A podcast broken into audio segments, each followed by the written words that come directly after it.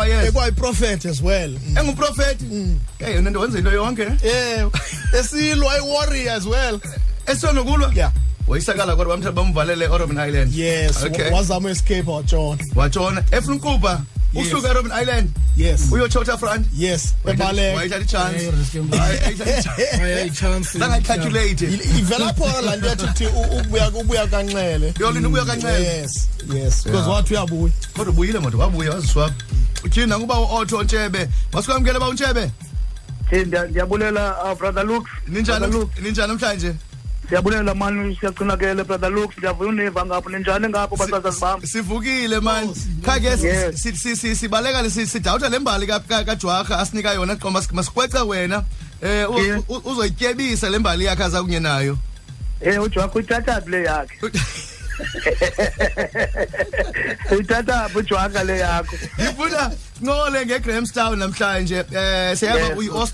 uyi-oral historian eh, tourist guide eRhini eh oqala sifuna uqala umasipala waseGramstown ubizwe emva kotata uMagana ngoba usiqala ukuba ke ngubani uMagana and ivele njani into yokuba ke idolophu eh lena ibizwe ngaye eh uMagana libhoxa lethu eh lalapha eRhini ba uyaqalasela into yokubana phantlantlono kwakho imilo emininzi eyayithi yayivamile apha ndithetha le nto ngesiNgesi kuthiwa zii-frontier wars mm. abantu eh, the wars of resistance okay. abantu ke bebesithi into yokubana asinako unikezela umhlaba wethu emabhulwini so ke ke ngoku okanye mandiyibeke ngolu hlobo emangesini umakana ke ngomnye wawomfo wayeli le nto kuthiwa ikhansila kandlambe Mm. Eh, eh, eh o- o- i- i- o- omnye waba wa- wabalantuka i- i- izii-councillors xa ndiyibeka nge- ngesilungu kwakuthiwa yenye yeekhansila zakandlambe lo mfo ke wayeno- ingqondo yakhe wayenengqondo kakhulu e- e- chuba buchopho injongo yakhe ke wayibona into yokubana kukho into ezama into yokubana amangesi azama uthatha umhlaba wotatomkhulu wabo injongo ke ngoku into yokubana wajonga into yokubana makekuhlalwe phantsi eh kustotshwe le nto izanywe ukwenza ngamabhulu umakana ke mandingayibeka ngosixhosa into yokubana unayo le nto kwakuthiwa uyimboni umfo kanxele wayelinxele um uyolinda ukuza kukanxele um wayena was was a left handed man lampo yiyo loo nto kusisithi uyawulinda ukuza kwanxele so wayeziwa ngelo gama into wayenza ke wangena emangesini wazama ujonga into yokubana aba bantu banjani na so that azobuyela kwisizwe sakokwabo mm. Eh, nemveni koko ayazi into yokubana how to attack igrahamstown mm. that's why ke namhlanje sisiva into yokubana khona indawo apha ekhini kuthiwa kusegazini mm. kwaphalala igazi pha labantu abangamaxhosa namakhoyizela bebulawa ngamangesi kuba umakana nguye lona wathi into yokubana izinyanya zethu zizasincedisa athi kamabhulu ke xa embamba okanye abantu abamhlophe bathi hayi umakana wabulalisa abantu kanti umakana was trying to motivate abantu abamnyama yeah. to go and fight okay. for indawo yabo so yiyo loo nto ke ngoku apha e-, ehlini e, because sathi sathi sajonga into yokubana ngeyiphi inkokhelo esinoyibiza ngayo eyalapha enomnombo mm. wale ndawo because omakana ngale ndawo ikhona indawo apha kuthiwa kusegqume okay babehlala khona abantu abantu abamnyama kusegqume nale ndawo kuthiwa namhlanje icathedral buya mm. ngena apha eklini loops khona indawo kuthiwa icathedral i-great place kandlambe kulapho ikhoyo in other words igramstown ime phezu komhlaba kandlambe wow eh qaqela isivayo ke eh, mnumzana untshebe wayengumni umakana lo umakana ke eyi esi siduko sakhe siyathanda undilahlela kaloku um eh, ndingumntu onoko okhulele edolophini ngoku ke ewe kodwa ke intsusa yabo because bonke ngokomakanda eh. omakhanda oh, um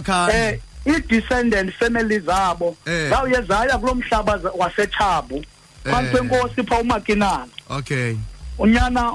unyana umzukulwana kandlambe okay Alright. Yeah. Masibuye size kwidolophu lena iGrahamstown. Siyazi uba iGrahamstown is one of the most historical towns alapha eMpuma Koloni. Khawusichaze nje into ezibalulekileyo ngehistory le ndawo. Eh indawo ezibalulekileyo uyakukhumbula into yokubana sinendawo le ndawo bendithetha ngayo kuthiwa kusegazini ibalulekile laa ndawo mm. kubhowutha amaxhosa nabantu abamhlophe uyifumana ndawo apho andiva la indawoni apho ilapha kanye elokishini ngapha kwasesikolo kuthiwa isikolo kuthiwa yinyaluza oh ikhona pha indawo pha kuthi eh, eh, enelanto ene-memorial site mm. isite yethu leyo esithi mm. into yokubana abantu balapha baneqhayiya kakhulu ngayo eh so yeyona ndawo lena inokwenza umtsalane and also ke nanele ndawo umakana wayeme kuyo le nto ndawo kuthiwa imakana scope abantu baje wathi iyani kweli cala iyani kweli cala kulapho wayestratejaza khona umikhosi yakhe um enye ke indawo endiqondayo into yokubana ibalulekile because ke namhlanje sixelelwa ngeento zamangesi kodwa ke iinto amangesi afike kukho iinto zethu kakade apha kule nkcubeko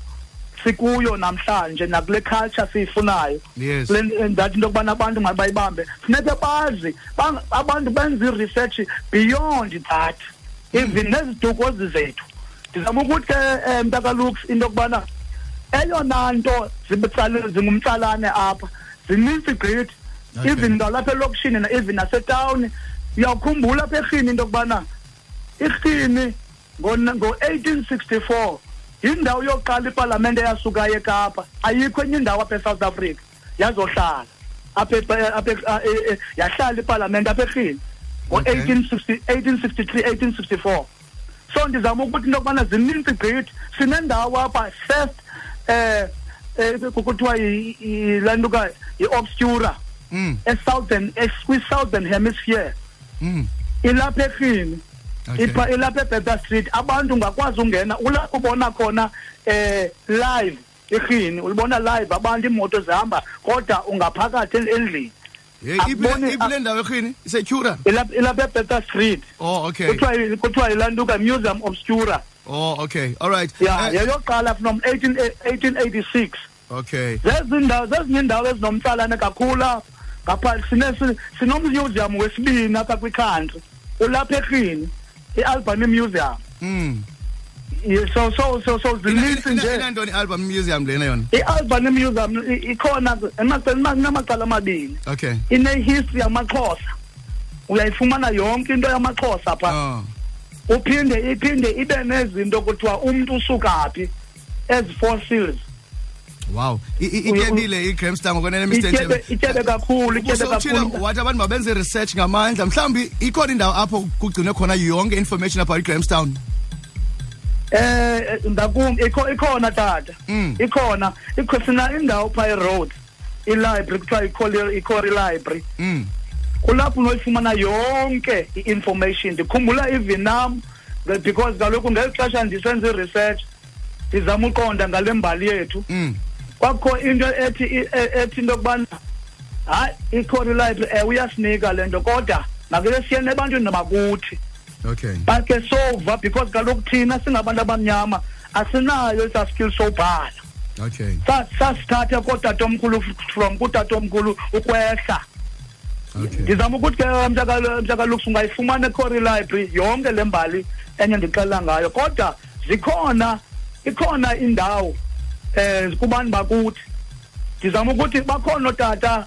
bakoomakhanda kulaa mnondo abasenayo le mbali yaserhini babesuka phi qala okay enye into ezibaleseleyo ke ngegramstar edla ngoziva eh sizakhiwo zenu ne-buildings eh, ezingazange zaphathwa ezakhiwa eh nge-16th and 18th century yes nisenazo buildings ezo ah zisekhona mntakaluks zisekhona ezo buildings eh abantu aba siyakufundisa nabantwana ngazo mna into ndiyafundisa nabantwana abantu but isimanga into yokubana akuzi izikolo zalapha e-eastern cape zizofuna le mbali hayi bo zezaphi zize kuzizikolo zasemakapa kuzizikolo zasemarhawutini zizofuna le mbali zidibane nam zifune le mbali okay. sinendawo apha kuthiwa yi-iliam mm. eyenza zonke i-african instruments okay esadlalwa nanamhlanje sinokwazi ufundisa abantu bethu zininzi nje izinto apha mnta kaloku okay bendicimba uzayimenshena laa ndawo ikhona indawo apho endandigqitha kuyo kuthiwa ke yabona ke kukho amanzi apha ziphumelayo apha la manzi anodaka xa lufaka ebusweni um ubuso bakho uyabutshintsha yenza uyayiqonda ndawo le phaa ilapha erhini ngaphandle incobhenga segqume xa ke xa uphanga segqume laa ndawo ngamanzi angangomlamba kuthiwa sisipring siyilungisile ngoku eh. aphuma siyasela nosela phaa eke eh am- a- ama aba- ama ootata omkhulu bethu eh eh oot- ookhokho bethu babevasa pha kula manzi asuka pha okay yeah because um, even namakrwala ayevasa pha xa uncu- xa usuka ke phaa ke lux kulaa ndawo segqume Yes. uqabela nje kuthona ikhona indawo kuthiwa kusencubhe phaa eke kuthiwa xa udlula usuya ngasebhayi okanye usuya ngaseqonqa kuthiwa le ndawo kuthiwa yikhumzi laa ndawo bephumzi kulapho imbola le nto kuthiwa amaxhosa kwakuthiwa ngombola bomvu eke eh. siyifumana phi lapha erhini wow wow so ndizama ukuthi into yokubana abanye abantu abazazi ke nabantu balapha ezo nto abantu bathi bakhulele apha okay ndibe nethamo ke because ke utatomkhulu wam usuka apha eke utata wam uphusuka apha kumacala omabini nam ndisuka apha kulo mhlaba ndaqonda into yokubana makike ndixokelele le mbali ndiyenze because kaloku ngoku abantu noko bafundile ke siyibhale phantsi ngoku le nto yes hayi mntakantshebe um eh, usisele senyatho konene uqinisekile abantu afuna bekuyekile xa beze egramstown siyabulela ngencaciso nangembali osinike yona namhlanje um ngale dolophana yasegramstown ndiyabulela kakhulu lux ndibe nenkqubo emandi ndinimamele nina apha nabantwana bam enkosi nkosi kakhulu tata siyabulela kakhulu uba u-otto entshe madondimvile uyi-oral historian true afternoon monday to friday 3 to 6 p m